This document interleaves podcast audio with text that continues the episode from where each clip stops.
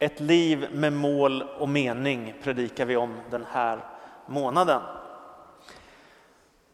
Om du med en mening skulle svara på vad som verkligen är viktigt i ditt liv, vad skulle du skriva då? Du får bara en mening. Vad skulle du skriva? Om du skulle svara på vad är målet med ditt liv och du bara har en enda mening att svara, vad skulle du skriva då? Och om du skulle berätta för mig om ditt liv, hur du gör skillnad i din vardag, där du finns, bland de människor du möter, om just de här sakerna, vad som är viktigt för dig och vad som är ditt mål och hur du gör skillnad. Vad skulle jag få höra för berättelse då? Det vore intressant att lyssna på varenda en av er, verkligen. Det vore fantastiskt. Det är väldigt viktigt att fundera på vad man vill med sitt liv. Var man är på väg, vad man prioriterar, vad som får ta ens tid och vad som betyder någonting för en i vardagen, på arbetet, i skolan eller var du nu finns någonstans. För om man inte funderar på det, då händer det här otäcka att livet bara passerar. Har du märkt det? Måndag, tisdag, onsdag, torsdag, fredag, lördag, söndag och sen börjar de måndag, tisdag, torsdag höll jag på att säga, men onsdag också. Alltså dagarna bara går, visst går det fort? Va? Det är otroligt vad fort det går. Därför behöver man regelbundet stanna upp och tänka på vad är viktigt för mig? Vad vill jag med det liv som jag fått som gåva utav Gud och vad drömmer jag om och vad vill jag förverkliga? Och det där är ju naturligtvis lite olika i olika tider i ens liv. När man är ung så ligger ju allt framför och det är så mycket spännande som väntar en.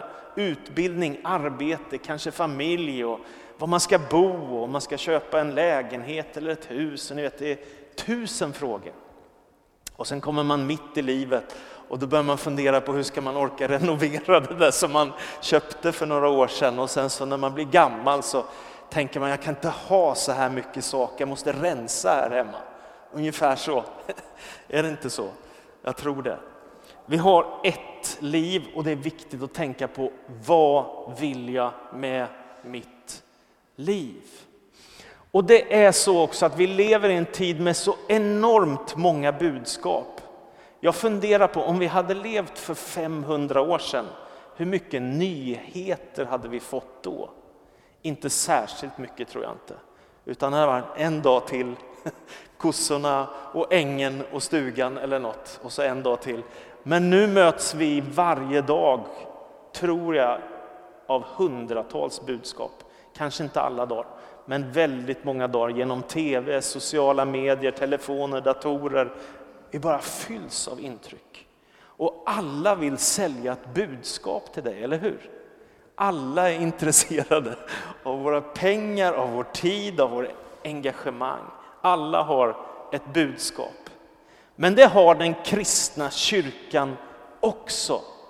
Och skillnaden med vårt budskap, det är att det har konsekvenser för tid och evighet. Det vi håller på med, det har med Gud och Guds rike att göra. Det har med evigheten att göra. Det är fantastiskt. Så att fundera på vad är meningen med allt? Varför finns universum? Varför existerar jag? Och vad vill jag med det enda liv jag har fått som gåva? Att då börja att ställa sitt liv i kontakt med den här stora berättelsen gör någonting med oss alla. Att du börjar koppla med alla de här människorna du kan läsa om, det börjar påverka ditt liv. Och helt plötsligt så är det inte bara måndag, tisdag, onsdag, torsdag, fredag och så går dagar, månader och år. Utan du har en stor berättelse att koppla ihop med ditt liv som ytterst sett kopplar till Gud själv. Så den största frågan av allt, varför finns vi? Vad existerar vi för och vad är syftet och varför? Ja, den kristna kyrkan svarar med ett enda ord. Gud. Det är därför vi finns till. Det är därför vi existerar. Och nu vill jag ta med dig till en bibeltext, en liknelse av Jesus som jag aldrig har hört någon predika om och inte jag själv heller. Men nu ska jag göra det. Den finns bara i Lukas evangeliet, det tolfte kapitlet och den trettonde versen. Då står det så här, Lukas 12 och 13. Någon i hopen sa till honom, Mästare, säg åt min bror att dela arvet med mig. Han svarade, vem har satt mig till att döma eller skifta mellan er? Och han sa till dem, akta er för allt habegär. En människas liv beror inte av överflöd på ägodelar. Sedan gav han dem en liknelse. En rik man hade fått god skörd på sina jordar. Han tänkte för sig själv, vad ska jag göra? Jag har inte plats för hela skörden. Han sa, så här ska jag göra. Jag river mina lador och bygger en större så att jag får rum med säden och allt annat jag äger. Sedan kan jag säga till mig själv, nu min vän är du väl försörjd för många år framåt. Du kan vila ut, ät och drick och roa dig. Men Gud sa till honom, din dåre, i natt ska ditt liv tas ifrån dig och allt du har lagt på hög, vem ska få det? Så går det för den som samlar skatter åt sig själv men inte är rik inför Gud. Varenda människa drivs av något, eller hur? Har du tänkt på det? Och fundera lite på vad är drivkraften i ditt liv? Vad är det som driver dig framåt och som gör att du engagerar dig i olika saker? Det kan vara kärlek, det kan vara drömmar, det kan vara visioner, det kan också vara tragiska saker som bitterhet, rädsla eller hat.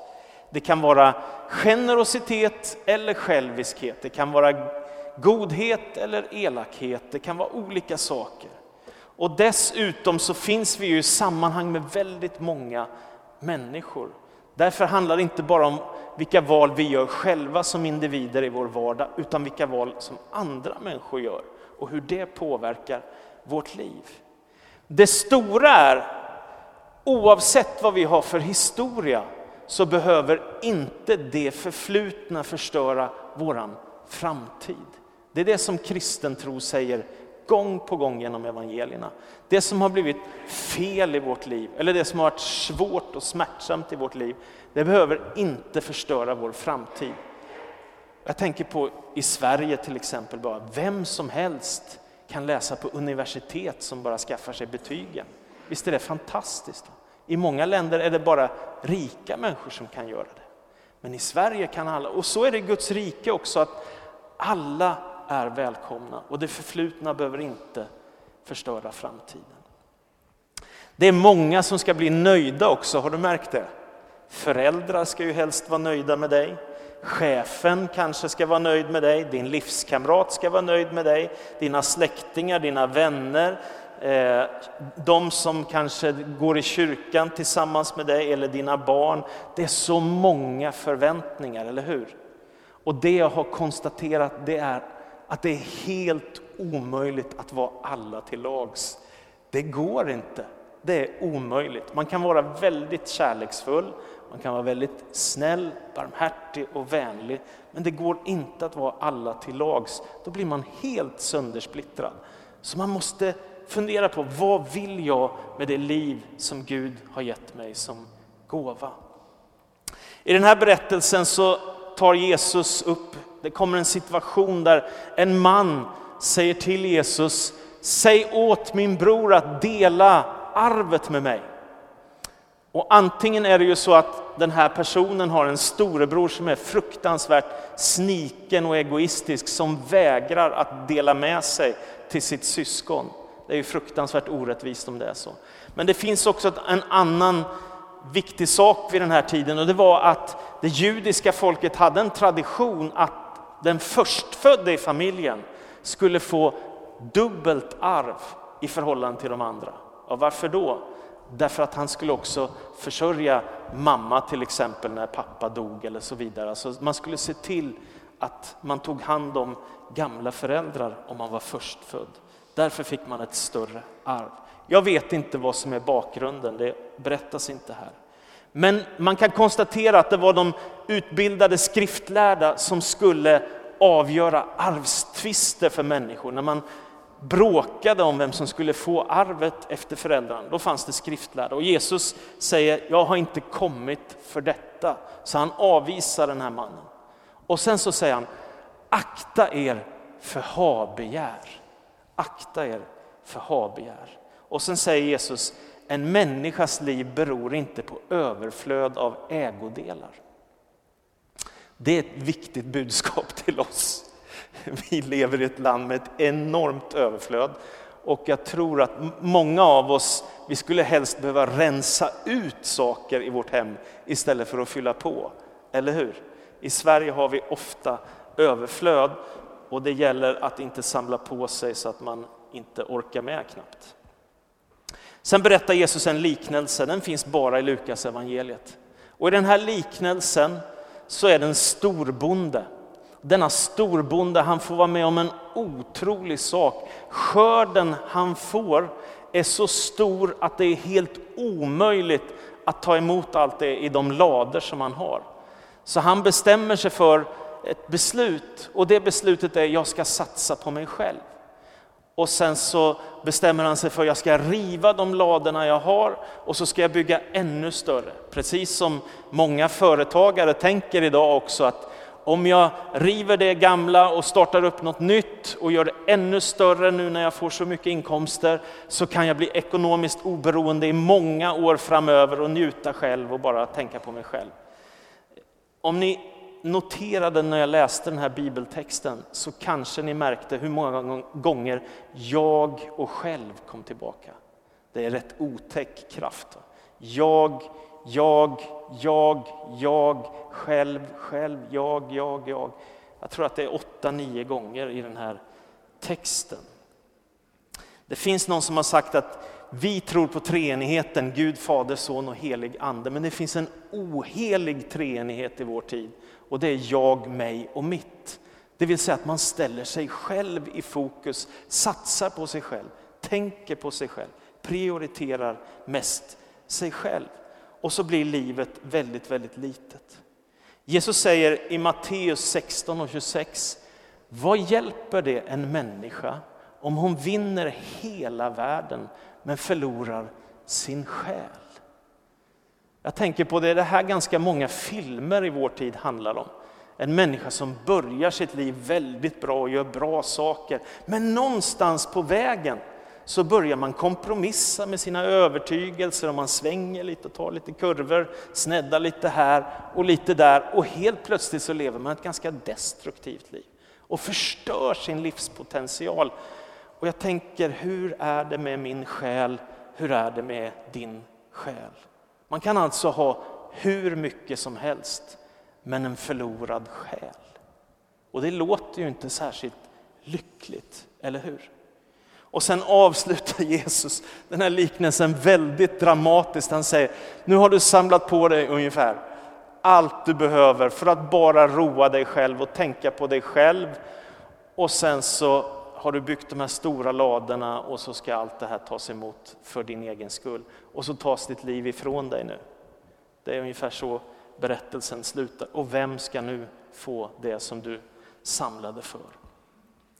Det vill säga, det är ju inget fel med att samla på sig eller att ha ägodelar. Det har inte med det att göra. Det är bara när det börjar stå jag, mig, mitt och själv hela tiden på det vi håller på med som det blir farligt och man riskerar att få en fördärvad själ.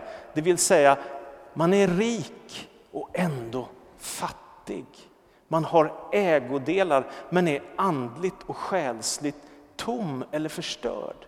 Och det där är en förfärlig sak i en människas liv. Eh, och vi vet alla att vi misslyckas, att vi syndar och att vi har våra skavanker, det vet vi allihop.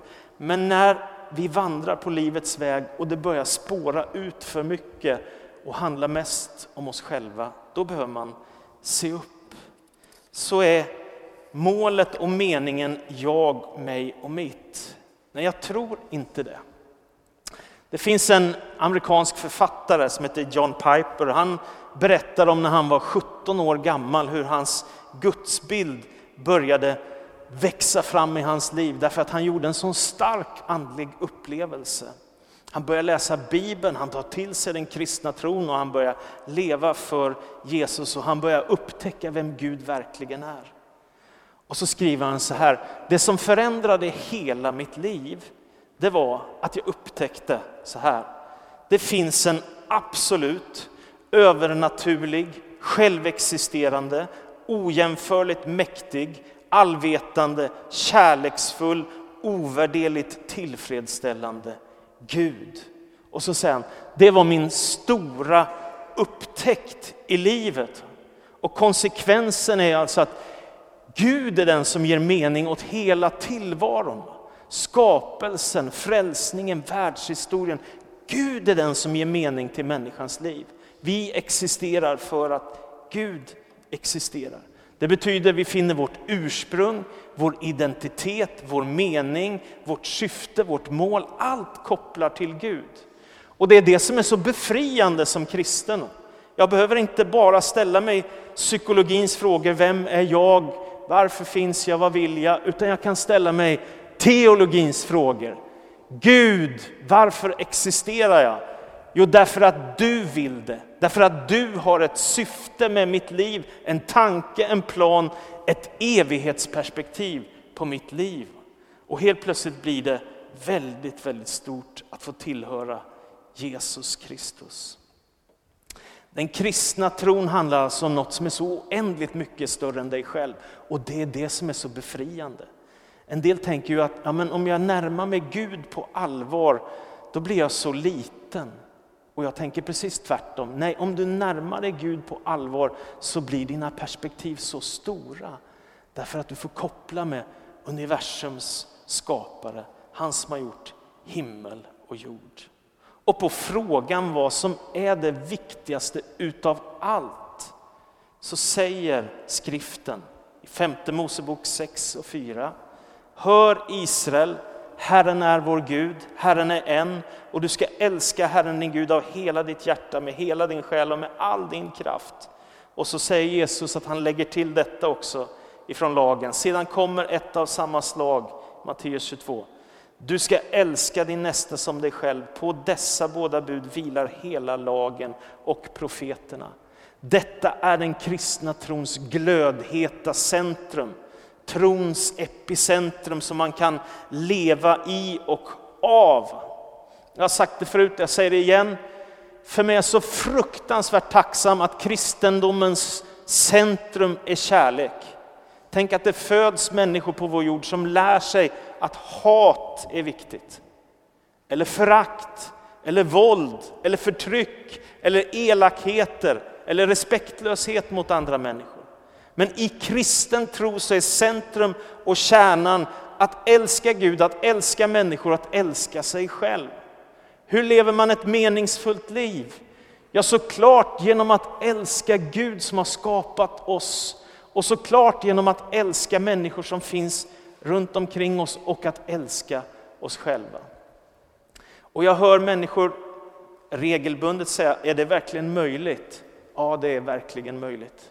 Det är möjligt att älska Gud av hela sitt hjärta. Att vara fullständigt såld och passionerad på den Gud som ligger bakom den gigantiska skapelse som vi lever i. Det är Gud som har tänkt alla planeter, alla människor, allt som blomstrar, allt som existerar. Det är för att Gud finns som vi finns. Och det ger livet en djupare mening. Och sen att få älska andra människor. Har du märkt det att om du är kärleksfull och barmhärtig och vänlig mot andra människor så får du ganska ofta det tillbaka. Det, det, finns undantag. Jo, jo. Det var någon som sa att det finns människor som verkar ha blivit döpta i ättika istället för vatten. En och annan kan snäsa till, jag vet det, det är så. Ibland så misslyckas man väl själv också, absolut. Och ändå så är detta kristna trons centrum. Det finns en journalist som jobbar på Svenska Dagbladet som är kristen. Han heter John Sjögren och han växte upp i Pingstkyrkan i Linköping. Han skriver så här. Människor längtar efter skönheten, godheten, sanningen. Människan vill kort sagt ha det absoluta. Hon vill inte endast uppleva övergående lyckokänslor. Hela hennes varelse är inriktad mot glädje. Kort sagt det vi kallar Gud. För att uttrycka det enkelt, vi kommer alla från Gud och vi är alla kallade att återvända till Gud. Och glädje är helt enkelt det vi alla söker efter. Men ofta söker vi på fel ställen och blir frustrerade när inget i den här världen kan skänka oss den fullständiga tillfredsställelsen. Vad är det som gör dig lycklig? Vad är det som gör dig glad? Vad är det som ger ditt liv mening? Vad har du för mål? Ja, man måste koppla med andra. Det finns en judisk filosof som heter Martin Buber. Han säger det är när du och jag möts som det händer någonting med oss. Alltså man kan inte sitta hemma och tänka ut meningen med livet. Man måste leva i relation med Gud och med andra människor. Man måste lära sig att älska sig själv. Det är kanske en stor utmaning, men den är värd att ta på allvar. Jag tänker tillbaka på när jag var 17-18 år. En ung kille i Stockholm som spelar rockmusik och tänker ibland hur i hela världen fick Gud tag på mitt hjärta? Hur gick det till? Hur kunde det komma sig att jag som aldrig har längtat efter att bli pastor eller präst eller diakon eller missionär inte tänkt en tanke på det? Att man fastnar och känner att det är något med Gud som är så förfärligt stort och så vackert och så kraftfullt att jag gärna skulle ge mitt liv för Jesus. Vad är det som gör den känslan? Ja, det är att man har blivit fångad av Gud. Att man har förstått att utan Gud kommer livet att bli en tom vandring. Förr eller senare möter jag svårigheter som blir väldigt jobbiga att hantera. Och då är frågan, vad gör jag om jag inte har Gud i mitt liv? Ja, men det blir tomt. Därför att få bli döpt i helig ande eller få möta Gud, det förändrar en människas liv. Och nästa viktiga fråga jag vill skicka med dig, det är prioriteringar och beslut. Hur fattar du beslut och hur prioriterar du? Eller jag? Det är väldigt intressant. Eh, den här veckan läste jag Sokrates, det är inte så ofta jag gör det, men jag läste en artikel där det stod om honom. Och då stod det så här, ingen människa väljer att göra något om hon inte är övertygad om att den handling hon väljer är den bästa av de tillgängliga alternativen. Visst vore det underbart om det vore sant? Det vill säga, vi står inför de här verkligheterna, ett, två, tre, och ett är bäst, då tar vi det. Tänk om människor alltid gjorde så. Då skulle ingen sitta i fängelse, då skulle ingen vara elak, då skulle ingen vara rasist, då skulle ingen förtrycka människor, då skulle ingen bete sig illa. Men det är ju tyvärr inte så i vår värld. Och ändå så är det viktigt med vilka val vi gör. Varför? Jo, i den här bibelberättelsen så ser vi en människa som väljer jaget och som slutar med död. Det är en tragisk berättelse. Och därför är det viktigt att tänka större om sitt liv. Och därför när du fattar beslut så finns det två sorters beslut om jag förenklar. Det ena är stora beslut som kommer påverka hela ditt liv eller en stor del av ditt liv. Det andra är små beslut som man måste ta varje vardag. Vad ska jag klä på mig? Vad ska jag äta? Hur ska jag, ja ni vet de här små besluten. De stora besluten är, vem ska jag gifta mig med? Vad ska jag utbilda mig till? Vad ska jag göra med mitt arbetsliv? Hur ska jag spendera min tid som pensionär och så vidare. Sådana stora beslut. Det du beslutar idag blir ditt liv imorgon. Och det är det här som berättas i den här liknelsen. Och när man väljer jaget så blir livet väldigt smått och begränsat. Viktigt att leva för något större än sig själv. Och det är här det här Jesus säger att man kan förlora sin själ. Jag vet att jag läste om Sven Lidman, en författare. Och det sägs att han på sin dödsbädd sa fiasko, fiasko, fiasko. Det var hans sista ord. Jag tänker vad sorgligt, vad tråkigt, vilket kan man inte sluta på något bättre sätt? Antingen genom att vara lite mer barmhärtig mot sig själv eller också att inte ge upp för de där destruktiva impulserna. Så vad gör vi med vårt liv? Vad gör vi med vår tid? Hur prioriterar vi? Hur väljer vi? Man kan fatta beslut genom att tänka igenom saker. Dit ska jag, dit vill jag. Man kan också fatta beslut, ja, men det här blir enklast för oss. Man kan fatta beslut genom det ger mig kick och glädje just nu. Eller det här verkar sammantaget bäst för mig att göra just nu. Och en viktig sak som kristen är att tänka, vad vill Gud med mitt liv? Vad är Guds vilja? Vad är Guds tanke? Hur ska jag prioritera? Och hur du tänker om ditt liv, det kommer påverka hela ditt liv. Är det viktigt att leva för Gud? Är det viktigt att följa Jesus? Är det viktigt att fira gudstjänst? Är det viktigt att vara kärleksfull mot andra människor? Är det viktigt att bry sig om människor som kämpar med sitt liv? Är det viktigt att besöka någon som är sjuk? Eller handlar det mest om jag, mig och mitt? Det är en kamp för oss alla hur vi prioriterar. Alla får vi 24 timmar per dag och Jesus säger om de timmarna, sök först Guds rike och hans rättfärdighet så ska du få allt det andra också. Sök först Guds rike. Så till slut, livet är en fantastisk gåva att förvalta. Jag blir allt mer tacksam och ödmjuk inför vilket liv vi har fått, vilken gåva det är att få existera och dessutom bo i ett land där det finns så enormt stora möjligheter, så välsignade vi är. Men det är viktigt att leva för något större än sig själv, för ett högre syfte. Och du kan använda din tid och dina gåvor och det du har för något mer än dig själv. Och börja tänka på att jag ska leva för Guds ära. Jag ska leva för att ära Gud. En av de vackraste lovsånger jag vet, det är den här. Jag vill göra mitt liv till en lovsång till dig. I dagar av glädje och dagar av sorg vill jag leva till din ära. Eller en annan sång som, som eh, Jeanette Alfredsson sjunger, jag vill tillbe dig mitt i sorgen. Alltså det är något med Gud som är så oändligt starkt och vackert och stort som kan märka en människa. Som Paulus skriver, vad du än gör så gör allt till Guds ära. Du vet, till och med himlarna förkunnar Guds ära. Du behöver bli en del av den lovsången och den tillbedjan. Som avslutning, du har ställts här på jorden och jag för att göra en insats, för att göra skillnad. Vi är inte bara skapade för att finnas här ett antal år, utan vi finns här för ett syfte. Gud har en tanke.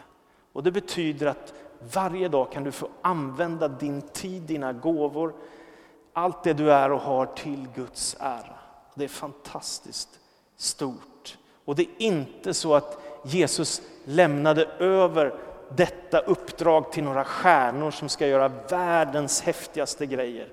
Utan han har lämnat en kyrka efter sig. Människor som bekänner Jesus Kristus som Herre som idag är den största rörelsen i mänsklighetens historia. Det är vi del utav du och jag.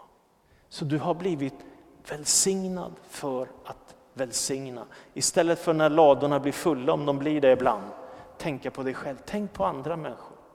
Tänk på att du kan göra så stor skillnad för så många människor om du har överflöd, om ditt liv är gott. Vi har fått ett pund att förvalta och det ska vi göra så gott vi kan. Om du skulle med en enda mening försöka skriva ner vad som verkligen är viktigt i ditt liv, vad skulle du skriva då? Om du skulle få frågan, vad har du för mål med ditt liv? Vad skulle du svara då? Och om du skulle skriva något om hur ditt eget liv gör skillnad utifrån de här två bilderna, vad skulle du berätta för mig eller för oss då? Det är viktiga frågor. Amen. Herre, så tackar jag dig för var och en av oss. Tack för att du har kallat oss efter din plan, efter din vilja. Det finns en högre tanke, ett högre syfte med vårt liv och tack för att vi kan få göra skillnad där vi är. Det finns så många människor som lider nöd. Det finns så många människor som är ensamma. Det finns så många människor som kämpar med sitt liv. Och tack för att din kyrka, din församling kan få göra skillnad för människor. Här. Och jag ber för var och en av oss att du skulle ge oss tro och kraft och glädje att våga tänka att vi kan göra skillnad med de gåvor som vi har fått, med den personlighet vi har fått, med den stil vi har. Och om ingen annan tror på oss så tror du på oss Gud. Och det är min stora glädje Herre, att du säger inte nej till någon som vill ha med dig att göra och vill tjäna dig. Tack för att du välsignar oss alla med din helige Andes kraft och närvaro. I Jesu namn.